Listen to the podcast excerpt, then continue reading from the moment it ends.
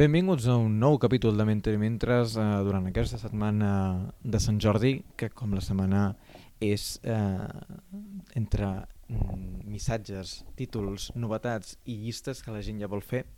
Avui comencem, o acabem, no sé com dir-ho, però amb aquests especials, i un d'aquests especials volíem que tractés, eh, sobretot des d'un punt no, no teoremàtic, el que és la no ficció, i justament anem a unes cartes, i són les cartes que ha publicat Edicions del Cràter, les ha traduït el Miquel Cabal, que avui ens acompanya, i són aquestes cartes de Dostoyevsky. Miquel, què tal, com estàs? Molt bé. M'acompanya també en Joan. Joan.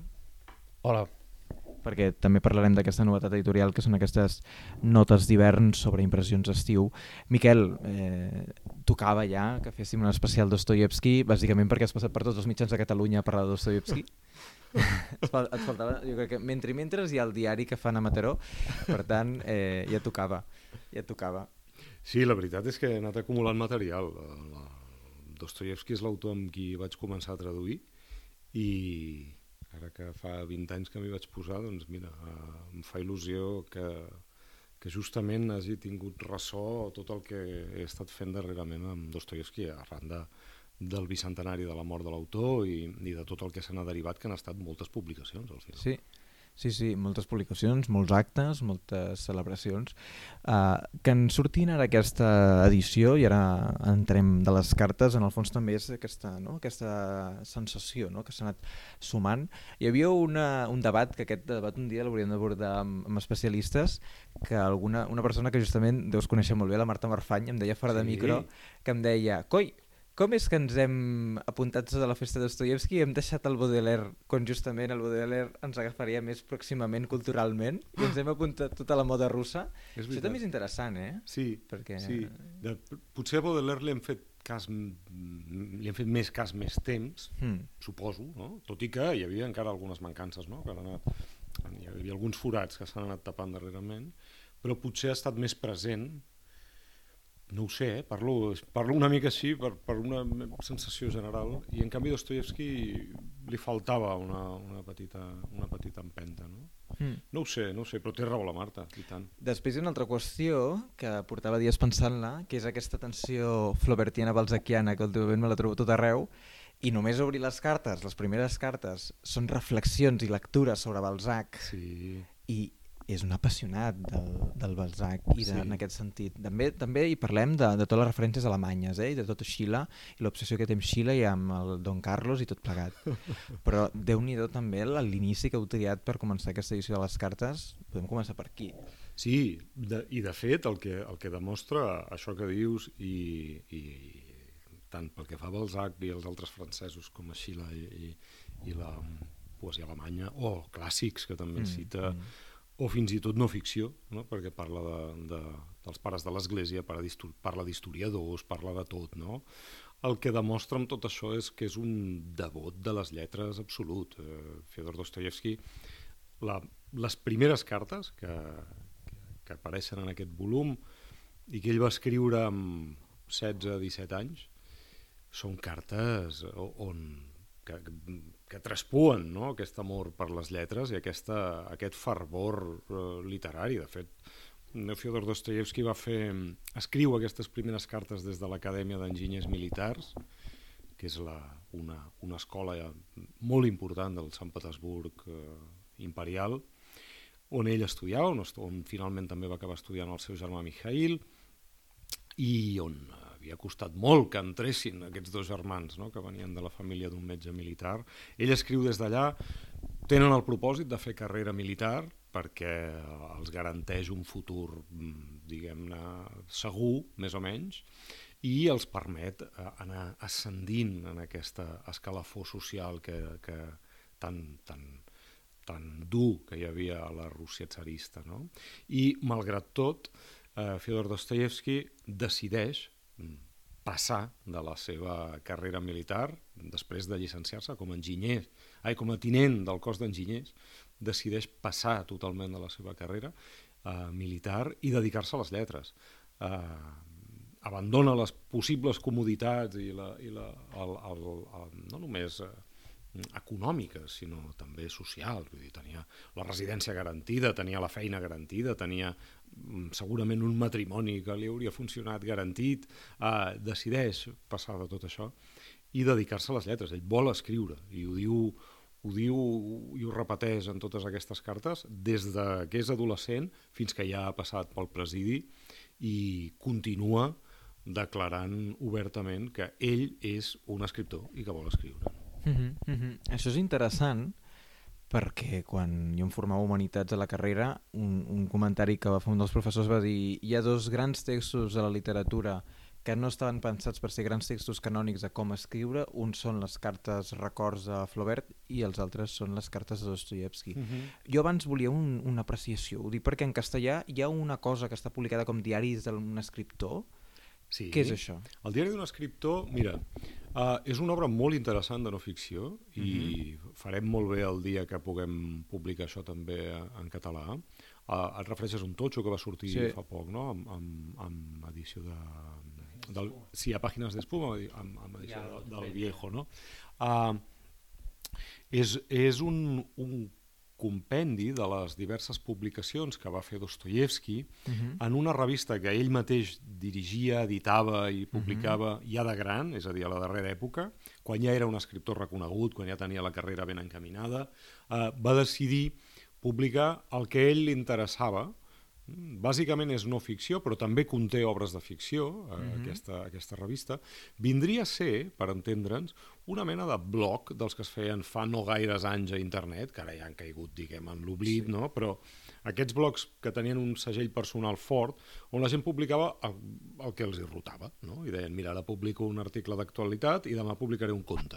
Doncs això és exactament el que feia Dostoyevsky, i ho feia igual que passava amb els, amb els blogs, en base a la resposta que obtenia dels lectors. Els lectors li enviaven cartes i li deien ens preocupa això o això altre, o de dels temes d'actualitat, de temes històrics, de temes culturals, del que fos. No? Uh mhm. -huh. I ell, fent servir això com a pretext i també posant-hi molt de la seva part, eh, elaborava textos de, de, això, de caràcter no literari o de caràcter literari, el cas de Manyaga, no? Manyaga va aparèixer al diari d'un escriptor i és, un, és una publicació que va durar, va durar uns anys i que eh, algunes tradicions, alguns àmbits eh, literaris han aconseguit publicar com a, com a llibre autònom compilat. No?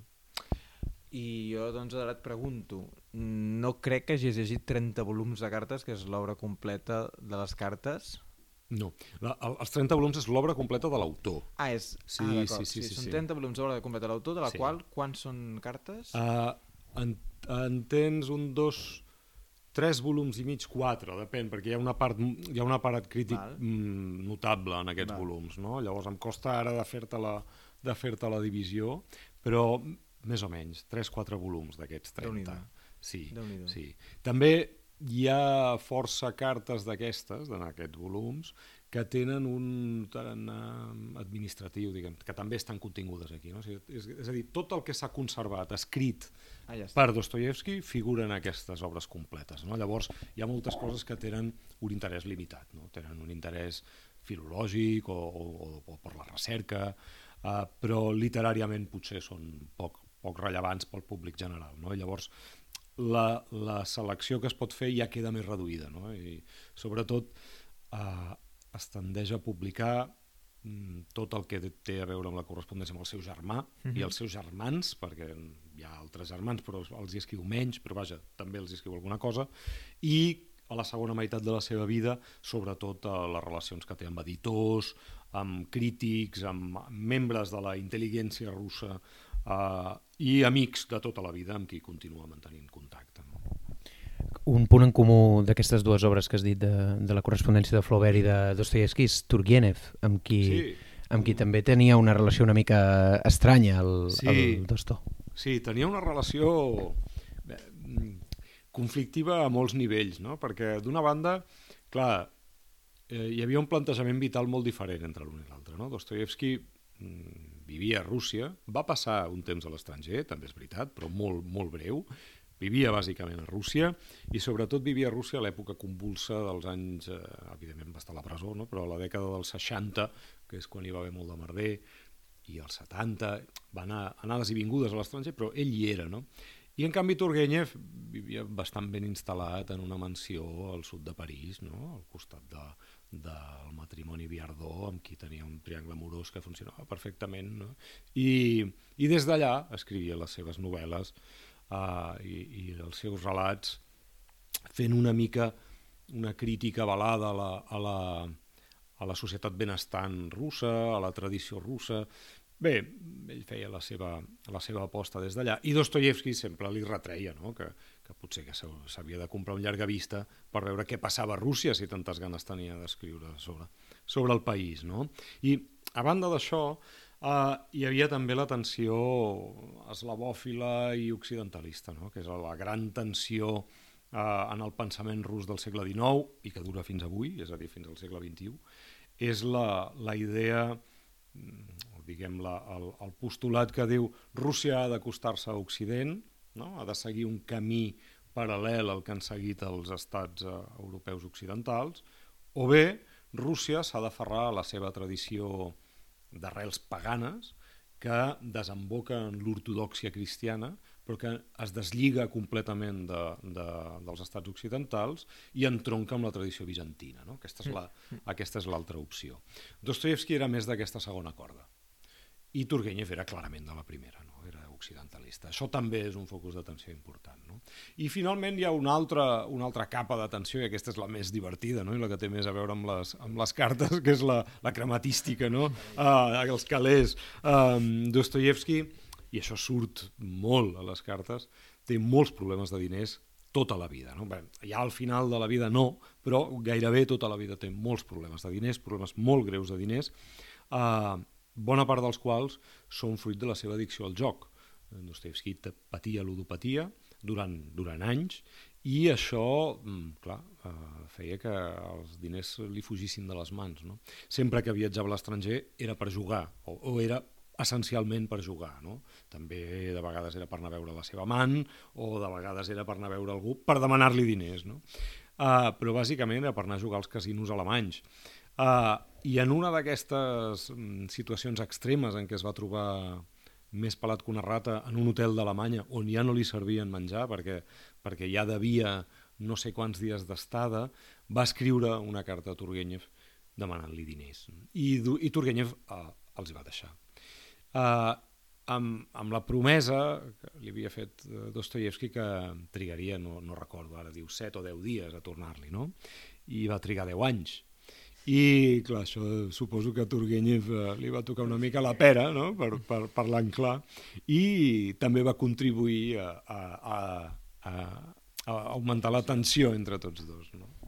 Mira, ara he anat a buscar una de les cartes concretes, que és l'agost de 1863, que viatja a l'Europa Occidental, perquè justament aquí hi ha un dels episodis, crec, crec que és quan està a Baden, que després se'n va a Turí i després eh, farà el viatge a, a més al sud d'Itàlia i després mm -hmm. tornarà a Turí per tornar a Rússia, però justament aquí hi ha, una, hi ha una de les coses que més m'ha fascinat d'aquestes cartes, que és, d'acord, no? eh, jo m'arruïno amb la ruleta a Baden, jo he d'anar a Turí, busco diners, eh, no sé com ho faré i he perdut tots els diners, però és d'una persona en tot moment conscient, o sigui, sí. el més fascinant de tot és la fa... o sigui, com ell mateix no? queda pres d'alguna manera de la consciència absoluta mm. d'ell mateix. I a vegades no sé també com qualificar perquè a vegades penses que són cartes privades i doncs entraríem a l'ètica de què estem fent publicant aquestes cartes. Sí, sí, sí, sí. però quan hi ha una consciència eh, és que això hi ha un això ara en, en dilemes autoficcionals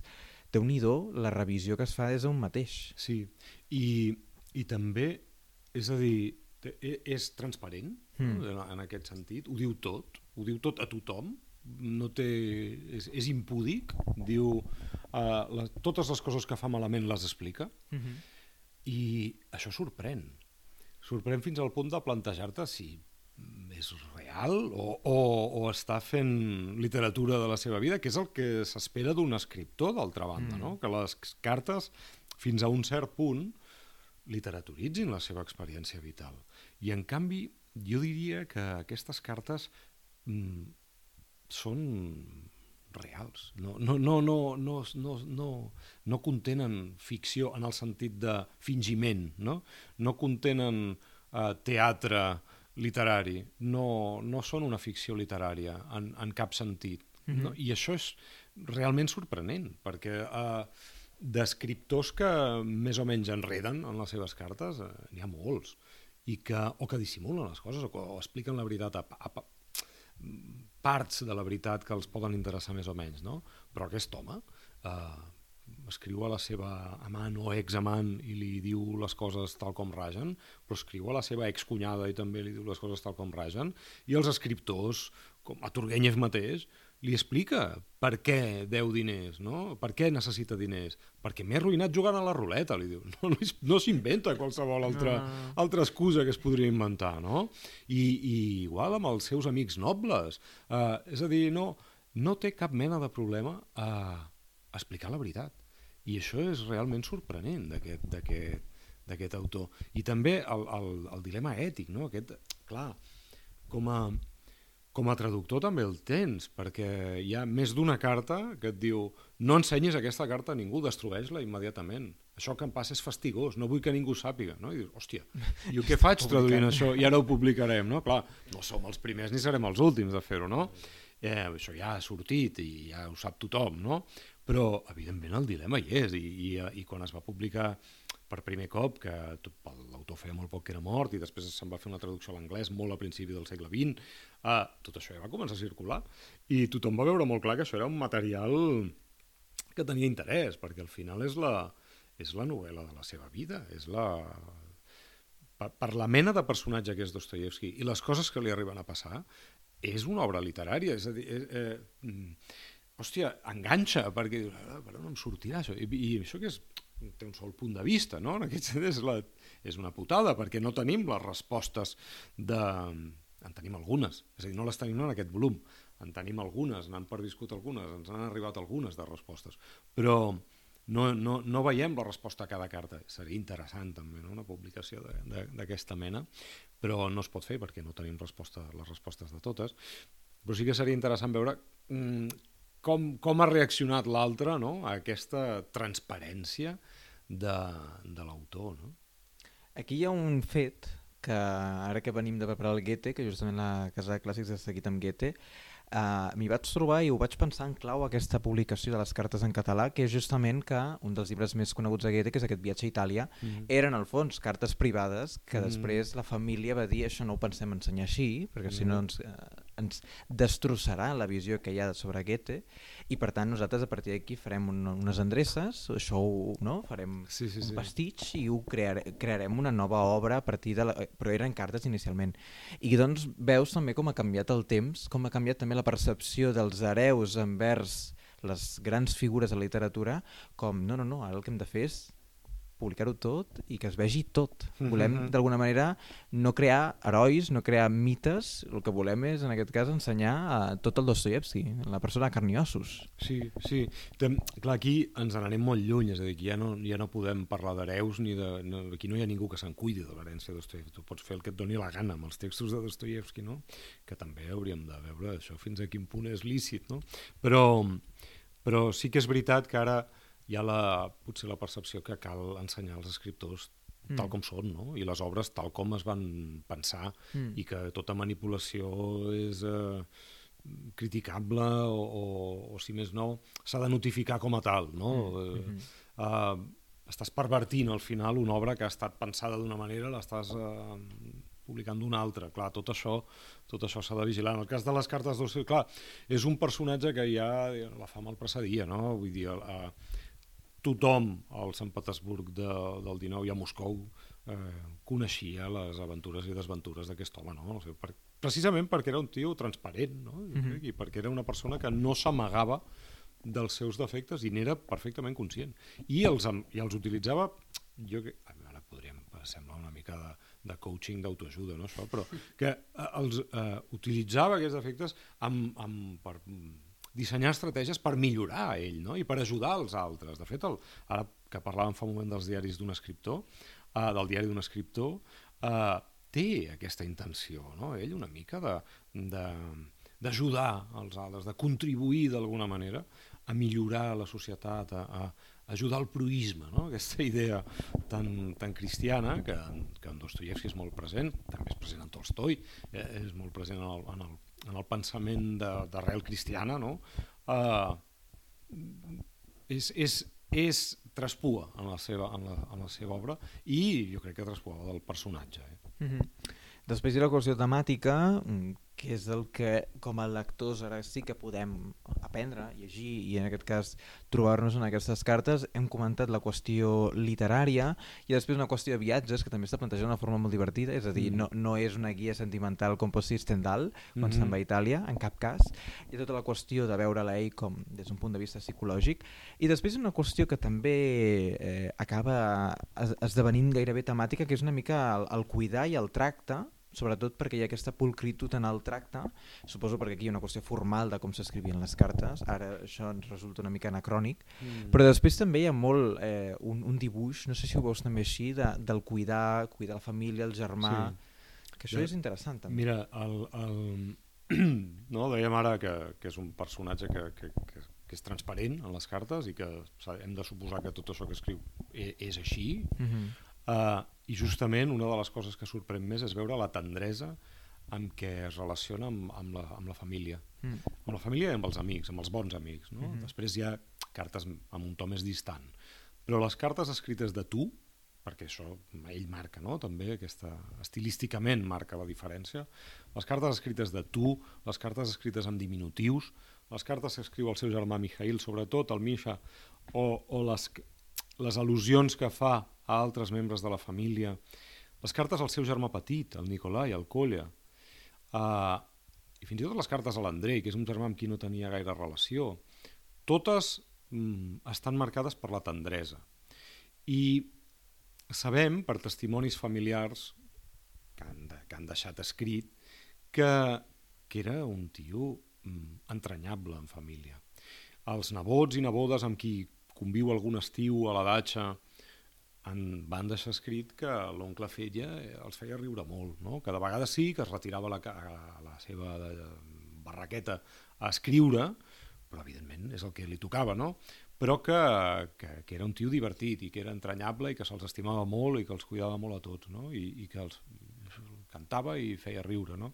Ah, clar, això xoca, perquè mm, en l'imaginari col·lectiu Dostoyevsky és un, és un senyor turmentat, farèstec, antipàtic, no?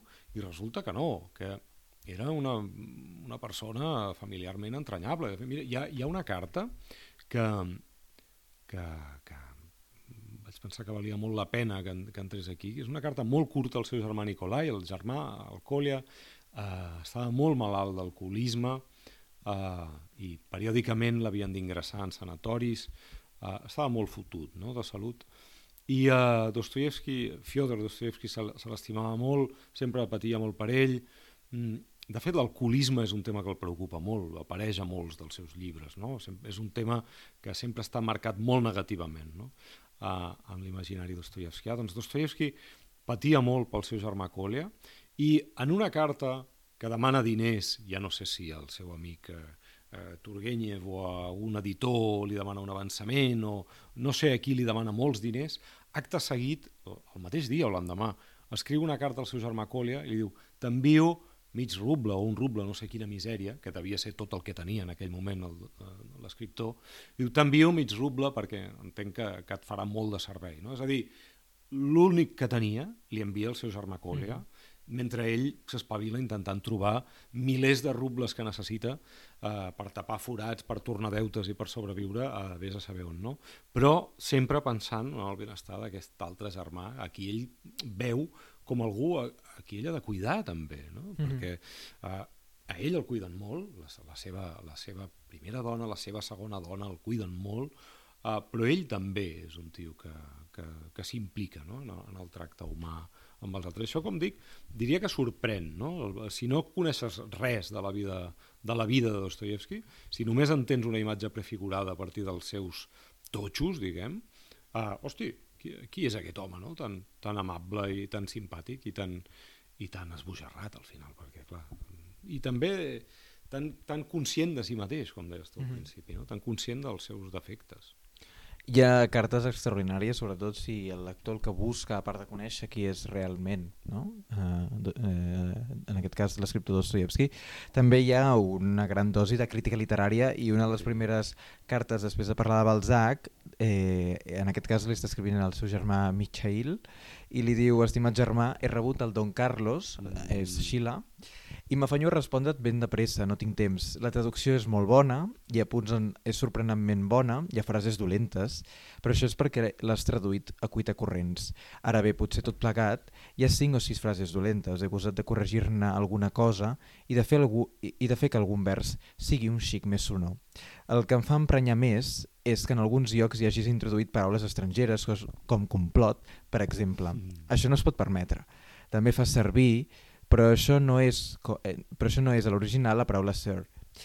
Ell continua eh, i fa més esmenes, després diu però vols dir que això ho fan els espanyols, eh, fent referència a aquest Don Carlos, i fa una crítica literària com la que podia fer a qualsevol crític sí, sí, sí. Eh, ara amb aquesta modernitat en què tots parlem de, de com traduïm i de per què traduïm quins conceptes i tot plegat ell aquí ho fa des de la honestedat i des del voler corregir i fa esmenes no, d'aquests detalls que són d'allò més, més hilarants sí, i també sí, més sí. interessantíssimes Sí, sí, i després hi ha, no sé si és aquesta mateixa carta, ara no recordo ben bé si és la mateixa o és una de més endavant, que, que li diu, a, a, em parles de, uh, o, o el que li recomana, no? Llegeix-te llegeix el Teverino de George Sand sí. i, i lle...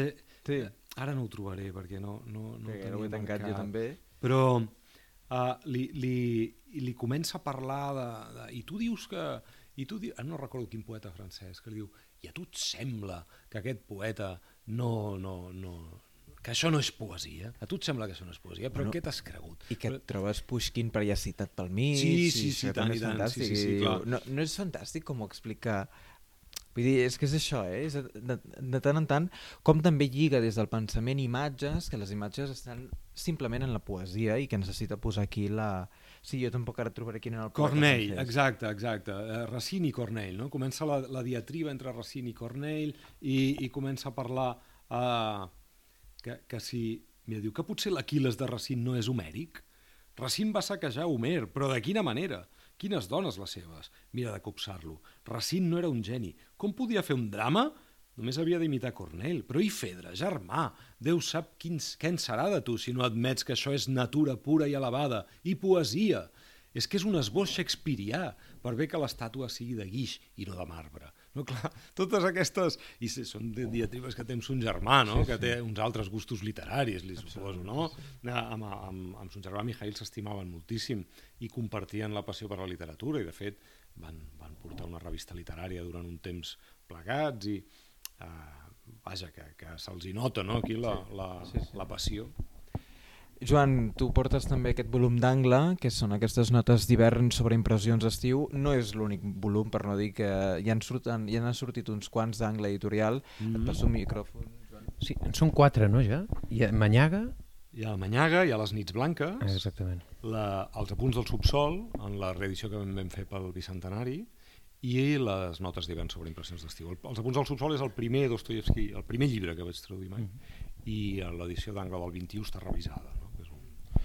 Aquest eh, llibre de notes d'hivern sobre impressions d'estiu és eh, un, com expliques el pròleg que, que l'introdueix i on situes una mica el text, és un llibre, una mica, un llibre de, de viatges, si es pot pen, pensar així, però una mica curiós, no? perquè en realitat ell durant el llibre eh, llegim que se'n vol allunyar una mica d'aquesta idea de llibre de viatges i a més a més són notes d'hivern sobre impressions d'estiu, és sí. a dir, és com una reflexió sobre una cosa que està escrita a l'estiu però, però no és allò mm -hmm. que es va escriure a l'estiu, no? Sí. és com ell mirant-ho, no? Sí, sí, són impressions, és a dir, són reflexions sobre una cosa que li va passar en un moment donat, no? És un llibre de viatges en la distància, no? una, mm. una, una reflexió tardana eh, sobre el record que té d'allò, no? I que eh, es distancia dels llibres de viatges que en principi tenen una, una mica la, la, la tendència a aixecar acte no? del, del, que va, del que va passant i les reflexions molt sobre el terreny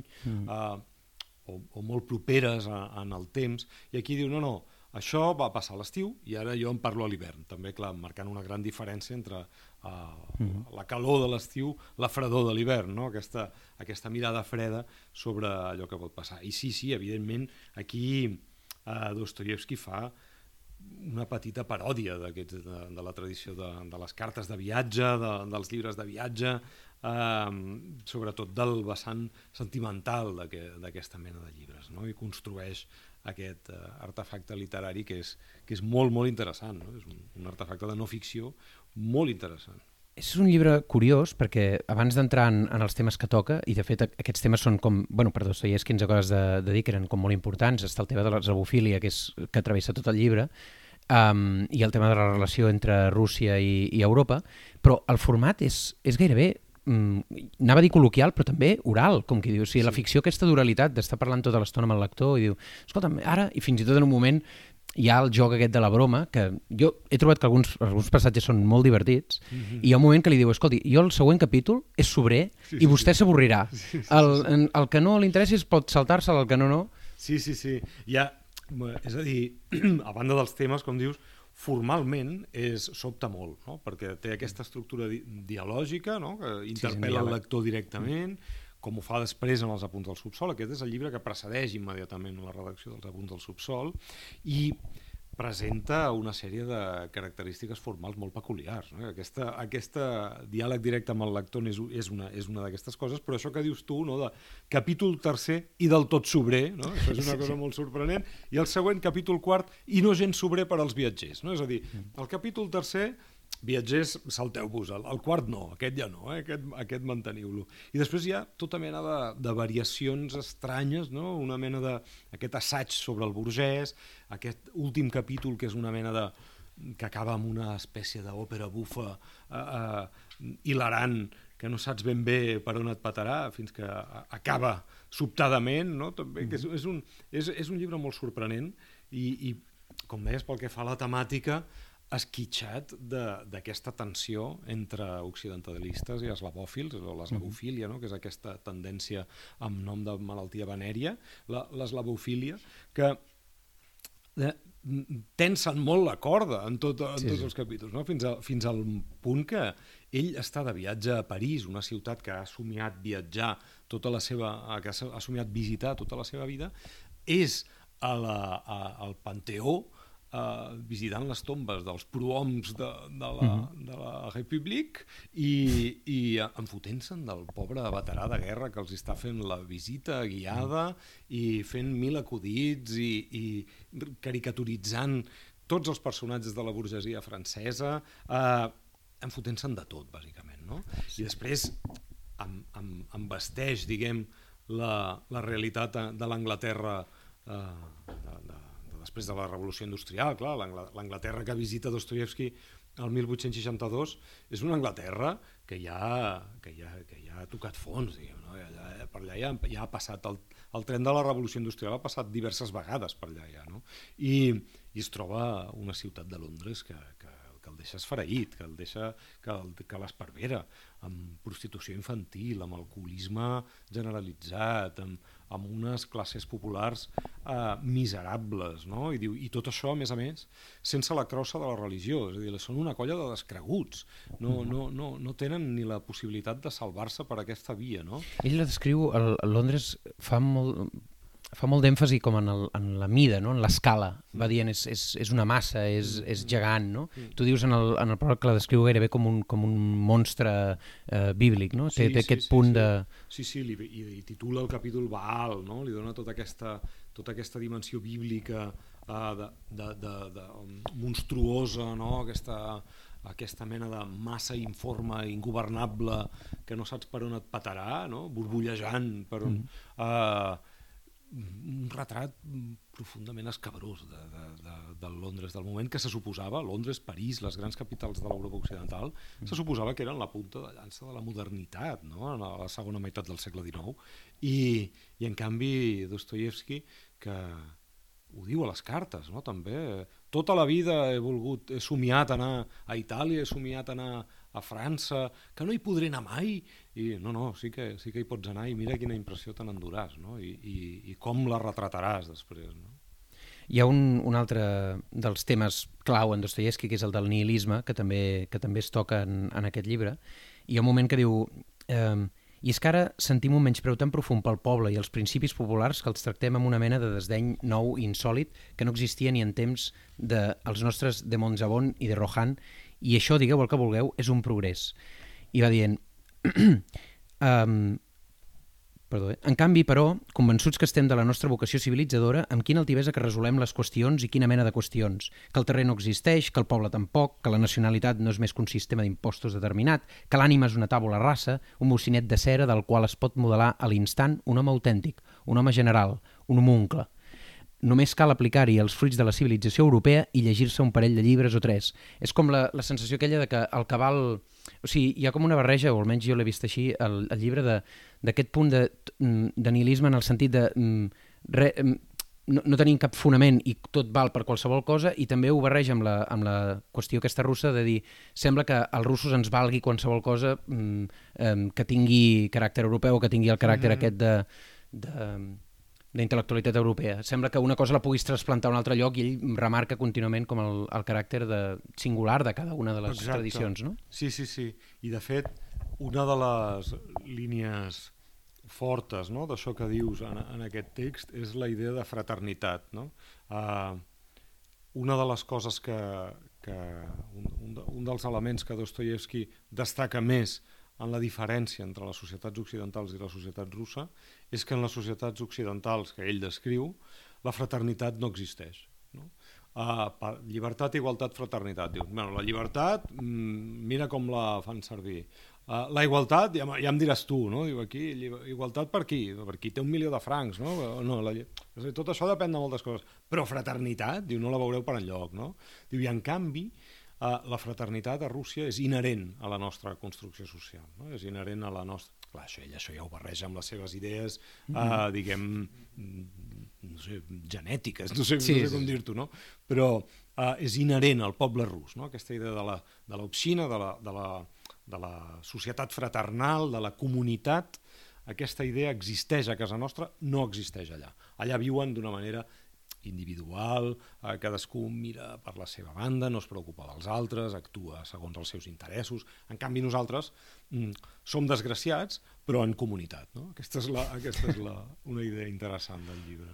Una, per últim, per acabar ja, dir que eh, sent un llibre de Dostoyevsky és impossible que no hi hagi com com, bueno, i de fet tu has esmentat el que hi ha cap al final del llibre, però també n'hi ha al llarg de, de, tot el, de tota l'obra, com els moments aquests narratius en els quals a vegades té com una vena còmica molt curiosa, mm. penso en el, en l'episodi en l'hotel, en què li comencen a demanar informació sí, superfidedigna, sí, sí. i el tio, hòstia, fa un quadre i és realment divertit i, sí, i sí, rius, sí. rius mentre ho llegeixes perquè és una cosa molt curiosa, no?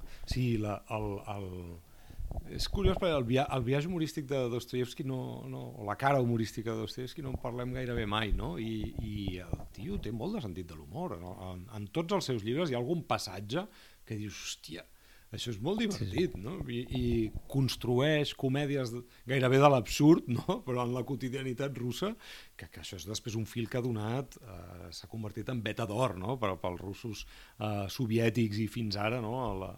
l'absurd la, la, de la quotidianitat Uh, però Dostoyevsky ja comença, ja comença amb això. Tot això ve de Gogol, evidentment, no? Tot mm. això ve de Gogol i Dostoyevsky estira aquesta veta i, i que això després es va anar fent gros, no? Però ho fa molt bé, també. No és, diguem, el, el, jo diria que no és l'espai en, què, en què ell s'ho passa millor, però se'l veu que també el domina, no? I en, aquesta, en aquests episodis breus de les notes també també rius molt. Sí? I també a les cartes hi ha alguns moments d'humor.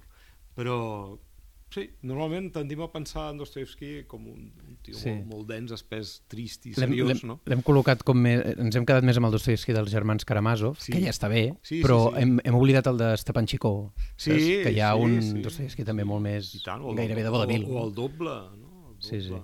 sí, sí.